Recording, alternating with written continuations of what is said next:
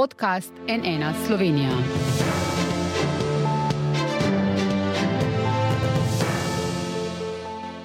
Dobro dan, to je NN studio. V tednu, ko se spominjamo genocida v Srebrenici, so mnogi v mednarodni skupnosti spet precej zaskrbljeni zaradi napetih razmer v Bosni in Hercegovini.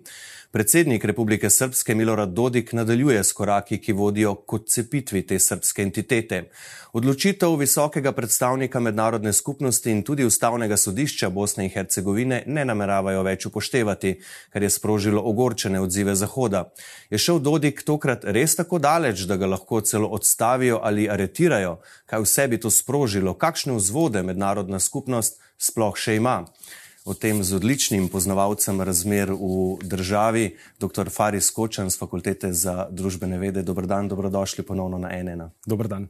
Dr. Kočan, eh, vsakič, ko smo se pogovarjali v tem studiu o razmerah v Bosni in Hercegovini, je bilo v smislu, kaj je pa zdaj spet Dodik rekel, naredil, s čim je eh, spet eh, zagrozil. Je zdaj s temi potezami, zadnjimi, šel res tako daleč, da se ga bo mednarodna skupnost želela znebiti? Za kar se tiče samih uh, kršenja ustave ali pa napad na tako imenovano Daytonsko ustavo Bosne in Hercegovine, bi lahko rekli, da je Dodik to počne že zadnjih 7-8 let. Ne. Tista prva, prvi napad na ustavo Bosne in Hercegovine se je zgodil v, med letoma 2015 in 2016, ko je z nezakonitim referendumom v dnevu Republike Srpske izvedel tisti prvi korak k imaginariju, kot vedno poudariva. Uh, Republike Srpske kot samostojne entitete, kot samostojne države. Gre v bistvu za performance. V tem trenutku pa Dodik pravzaprav gre še korak dlje, kar mu seveda mednarodna skupnost s tem, ko mu ni postavljala tistih jasnih črt v zadnjih desetih letih, uh, mu pravzaprav dopušča in to je, da na nek način zdaj pa neposredno udarja po ustavnem redu Bosne in Hercegovine in na nek način se zdaj zdi v kontekstu geopolitičnem, kot se trenutna Evropa nahaja, da bo potrebno nastoriti nekaj na tem področju. Torej se v bistvu zdajšnja situacija nekoliko razlikuje od tistih prejšnjih njegovih potez, korakov, ki smo jih spremljali. Drži. Gledali. Drži. Pravzaprav od leta, leta 2016 je bil kontekst v Evropski uniji ali pa na Zahodu re, relativno ali pa radikalno drugačen. Vemo, da so bile posledice gospodarske krize, vemo, da se je tudi Evropska unija obračala na vznoter, podobno je bilo tudi z celotno mednarodno skupnostjo. Danes, ko imamo torej vojno v Ukrajini, ko vidimo, da imamo določene varnostne žepe v Evropi, lahko na nek način tudi to interpretiramo, da mednarodna skupnost tokrat tega ne bo spregledala in pravzaprav za neko dejanje, za katero bi Dodik verjetno že leta 2020. 2015 v drugačnem kontekstu bil obsojen, naj mogoče tudi zapustil svoj položaj, se zna zgoditi, da bo tokrat pa res moral. Mhm. Ja, v kontekstu vojne v Ukrajini prideva še nekoliko kasneje. Zdaj, med zahodnimi državami se je po informacijah NN že izoblikoval konsens, da mora Bosna in Hercegovina naprej brez Milorada Dodika. Ni pa konsenza o tem, kako to doseči. Kakšni so dejanski vzvodi za to? V tem trenutku se mi zdi, da ima pravzaprav mednarodna skupnost dva vzvoda. In en vzvod že uspešno uporablja in to so sankcije za mrnitev sredstev Republike Srpske strani Evropske unije, s čimer skuša pravzaprav od spodaj na vzgor prisiliti Dodika, da zapusti položaj ali pa da spremeni svoje stališča. Ne na zadnje bodo te sankcije, ki jih Evropska unija trenutno napoveduje ali pa jih skuša izvajati, bodo najbolj prizadele običajne posameznike, običajne državljane v Republiki Srpski. Na drugi strani pa imamo seveda še tisto najbolj radikalno, najbolj strogo, najbolj strogi vzvod mehanizma mehanizem, ki ga mednarodna skupnost pozna, in to so tako imenovana bonska pooblastila. Uh -huh. Torej, visoki predstavnik v Bosni in Hercegovini lahko pravzaprav Dodika ne samo odstavi, ampak mu ne na zadnje tudi prepove nadaljno politično udejstvovanje. Ja, zdaj odstavitev uh, se je že zgodila, ne? To ne bi bila prva, zgodilo se je leta 1999, ko je tedajni visoki predstavnik španec Carlos Westendorp odstavil takratnega predsednika Republike Srpske Nikolo eh, Poplašna. Eh, odstavil ga je potem, ko mu je Poplašen sporočil, da za premijer Republike Srpske ne bo imenoval prav Milorada Dodika, ki je bil v tistem času, bom rekel, kar precejšen podpornik visokega predstavnika eh, mednarodne skupnosti, torej je politični kameleon, nima nikakršnih težav spreminjati svoje stališče stališča, uh, menite, da bi jih lahko zdaj, glede na to, kaj mu grozi? Ja, glede na to, kako se je Dodik obnašal, tudi takrat, kot ste sami omenili, leta 98, 99 in tako naprej, pravzaprav je predstavljal neko drugačno idejo ali pa vizijo ureditve v Republiki Srpski. Ne, na zadnje se je tudi sam izoblikoval kot idealen, pravzaprav nek nov kandidat, nov svež veter v Republiki Srpski, kot posledica seveda nespremljivosti Srpske demokratske stranke takrat. Ne. In Dodik je seveda ta val dobro zapopadal in skozi svoje delovanje pravzaprav uzurpiral celotne podsisteme sisteme. Ne? In to je verjetno tista radikalna razlika med takratno SDS ali pa drugimi strankami in današnjim SNSD-jem, ki pravzaprav vlada neprekinjeno že zadnjih deset let, um, je na nek način uh, zaplenil ali pa pleni še naprej entiteto Republike Srpske in pravzaprav ima občutek, da ima vse uh, sisteme, podsisteme v svojih rokah, da so vajeti na njegovi strani in da uh, lahko tudi ne popušča zaradi tega, ker na nek način ima takšno ali drugačno podporo. Zdaj, eh, posledice Dodikove odstavitve bi bile lahko zelo nepredvidljive, glede na izkušnje. Ravno te dni eh, smo se spominjali, znova spominjali srebrenice, genocida, prebirali smo o tem, gledali smo posnetke, vedno znova smo pretreseni, ko to gledamo. Spet smo si govorili, nikoli več naj se ne ponovi. Kakšne bi bile posledice takšnega posega mednarodne skupnosti, ki je sicer dosegla mir, takrat 95 z Daytonskim sporozumom, je pa marsikje druge odpovedala? Kako nevarne igre so torej to? V tem trenutku, če bi Dodik res bil odstavljen strani visokega predstavnika, bi se zgodil nek vakum, pravzaprav verjamemo lahko, da bi bili masovni protesti širom Republike Srpske. Na nek način tudi vemo, kakšno mnenje ima večinsko prebivalstvo v Republiki Srpski, ne samo do mednarodne skupnosti, še posebej do urada visokega predstavnika v Bosni in Hercegovini. Tako da tu narativi ali pa ta konstelacija idejna je ustrezna za to, da bi bili masovni protesti. Je pa tudi res, da bi se, tako kot so se praktično povsod, po nekaj mesecih zadeve umirile. Srpska bi najverjetneje tudi dobila neke nove politične obraze, ampak v tem trenutku se zdi, da bi ta nov politični obraz bila predvsem Jelena Trivič, ki pa idejno ni pretirano, pretirano drugačna od Milorada Dodika. Morda bi bila na začetku manj koruptivna, klientelistična, to je torej tisto, kar Dodiku očitajo. Predvsem njegovi nasprotniki, ampak idejno, torej, ki je položaj Republike Srpske v Bosni in Hercegovini, kaj, kaj je vizija Republike Srpske, pa se ne, eh, ne razlikuje drastično. In je prav tako precej radikalna. Ne? Eh, če bi prišlo do aretacije Milorada Dodika, poznavalci pravijo, da sam se je ovadil. Ne?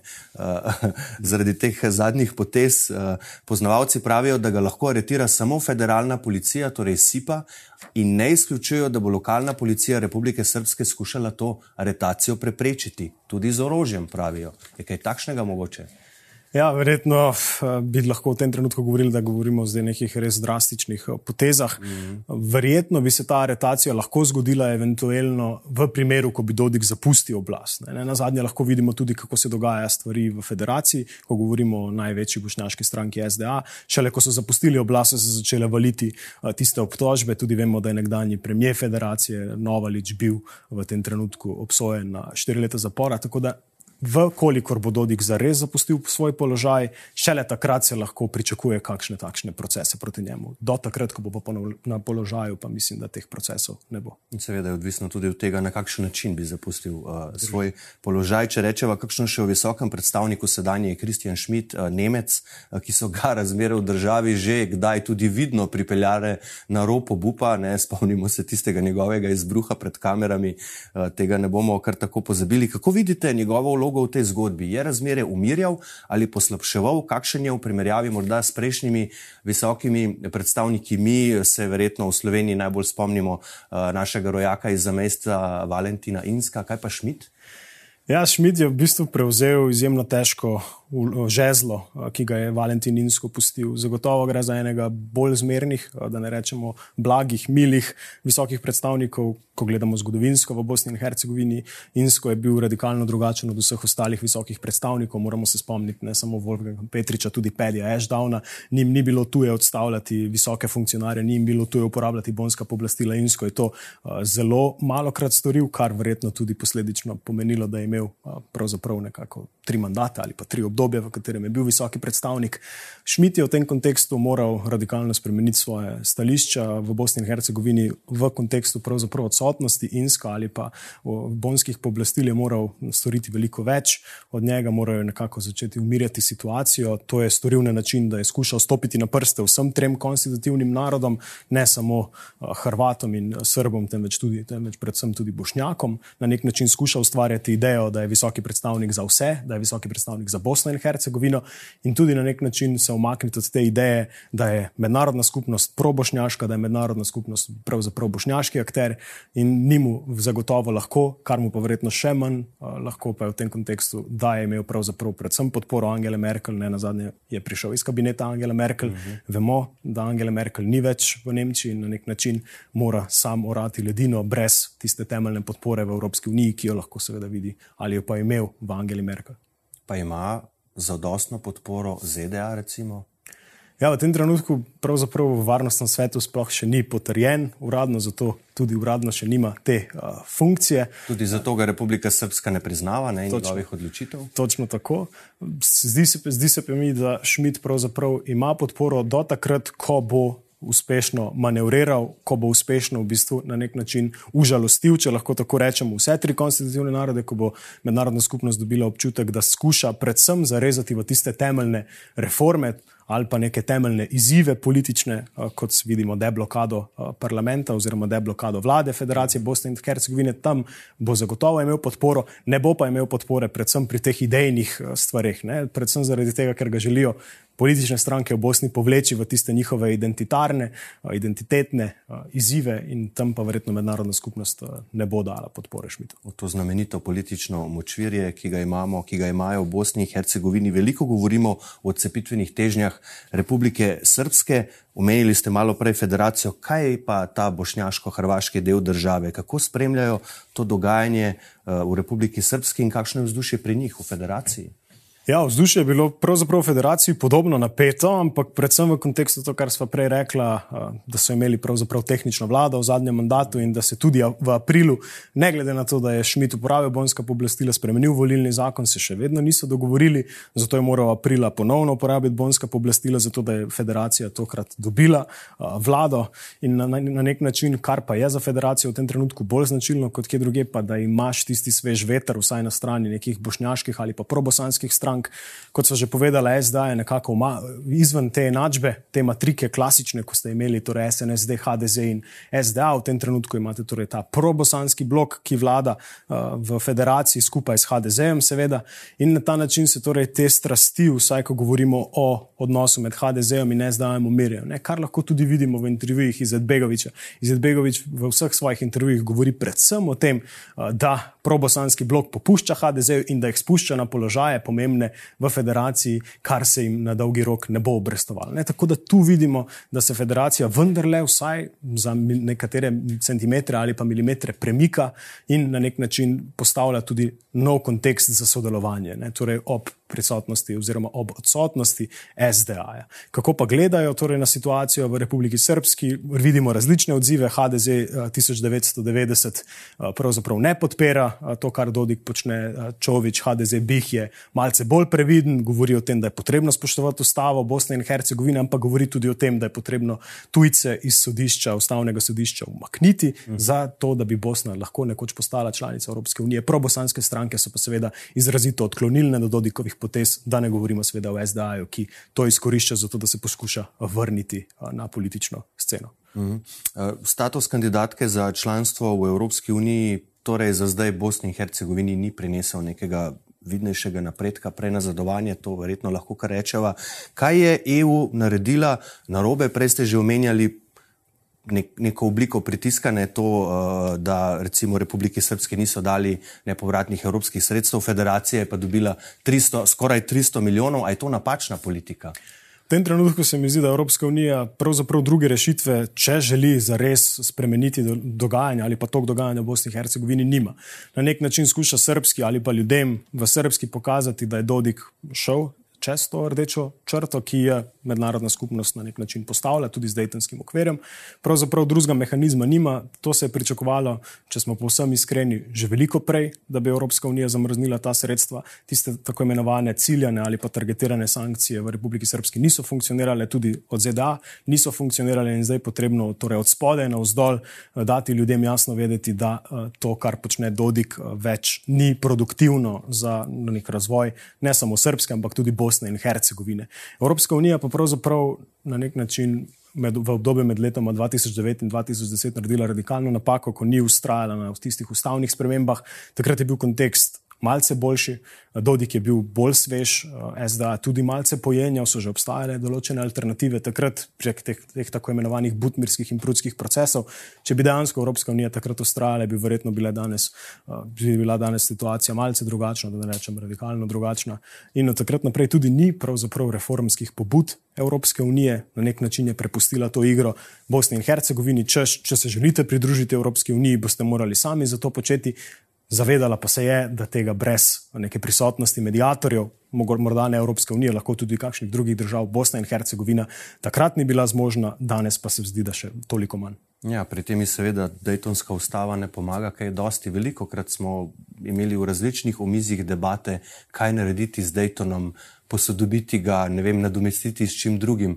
A pa sploh obstaja prostor za to, politična volja za to v državi, ne samo znotraj države, ampak tudi uh, sveta, v bistvu Zahoda, Kvinte. Recimo. Res je. Ja. Na nek način Daytonski okvir je lahko okvir za sodelovanje ali pa za nesodelovanje. Na nek način politična elita veliko več svojih moči, instrumentov, um, da ne rečemo celo možganov, um, usmerja predvsem v to, da išče mehanizme, zakaj ne sodelovati ali pa išče mehanizme, zakaj ni mogoče sodelovati. Verjetno bi bilo z drugačno politično elito, politično elito z drugačnimi idejami, z idejami, da bi lahko bilo mogoče sodelovati v Bosni in Hercegovini, tudi Daytonski okvir lahko bil tisti, mhm. -huh. znotraj katerega bi se dalo marsikaj spremeniti. Ne? In to je bila seveda tudi na začetku ideja, ne? recimo uh, reforma vojske v Bosni in Hercegovini, uh, tudi reform, reforma policije, ki se je kasneje potem izjelovila. Ne? Vse to je nekako nakazovalo, da je mednarodna skupnost Daytonski mirovni sporazum videla kot okvir za prekinitev vojne in za neko začetno stanje, od katerega katerega naprej pa potrebno torej iti naprej. Ne? In počasi, korak po koraku, bi lahko prišli do neke platforme, kjer bi se dalo sodelovati. Ne? Ampak, ko se je Evropska unija ali pa mednarodna skupnost po letu 2010 pravzaprav umaknila iz teh reformskih pobud, pustila, da so se politične elite med seboj na nek način usklajevali ali pa ustvarjale vzdušje za to, da bi te reforme bile sprovedene, pa vidimo, kakšna je situacija. Ne? Tako da Evropska unija na nek način je tu lahko velika kritika. Uh mhm.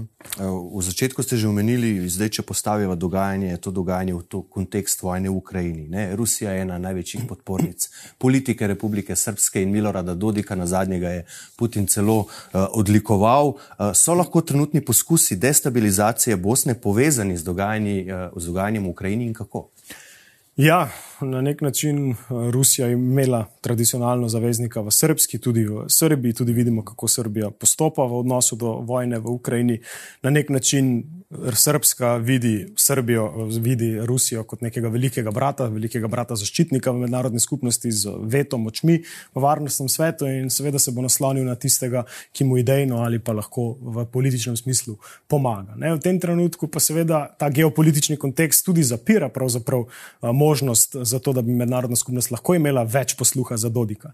Na nek način je lahko zdaj vsako ponovno odpiranje varnostnih žepov na Zahodnem Balkanu razumljeno tako, kot ste sami povedali, poskus destabilizacije Evrope in seveda ob tem, da imamo vojno v Ukrajini, Evropska unija ali pa Zahod kot tak, tega na nek način ne sme dopustiti ali pa si ne želi dopustiti. Zato lahko tudi Dodik pričakuje, da se bo ta obroč razumevanja okrog njega vse bolj stiskal. Ne? Kar tudi vidimo, da že govorijo v medijih zadnji teden, da bi lahko Šmit uporabil bonska poblastila in ga ne nazadnje tudi odstavil. To so stvari, ki jih pravzaprav še leto ali pa dve leti, pa situacija ni bila tako zelo radikalno drugačna, nismo mogli slišati slišati. In to je konkretna posledica dogajanja v Ukrajini. Ja. Dobro bomo videli, kako se bo ta epizoda v Bosni in Hercegovini razpletla. Seveda uh, se veselim najnega naslednjega pogovora in upam, da bo uh, bolj optimističen, kar se Bosne in Hercegovine tiče, dr. Faris Kočan. Za danes pa najlepša hvala, da ste prišli na NN. Hvala vam. Hvala pa tudi vam za vašo pozornost. Sveda, kako se bo ta napeta situacija v Bosni in Hercegovini razpletala še naprej, bomo vse čas spremljali in poročali na nnainfo.si. Iz studija pa le še lepo zdrav in nasvidenje.